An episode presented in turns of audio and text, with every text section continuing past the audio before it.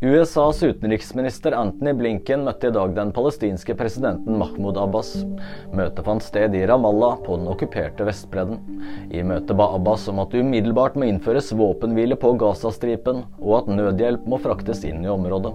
Også den amerikanske utenriksministeren understreket behovet for humanitær hjelp på Gazastripen, skriver NTB. Enda et amerikansk hangarskip er på plass utenfor Israel. Hangarskipet Dwight D. Eisenhower med sine støtteskip ankom søndag Øst-Middelhavet.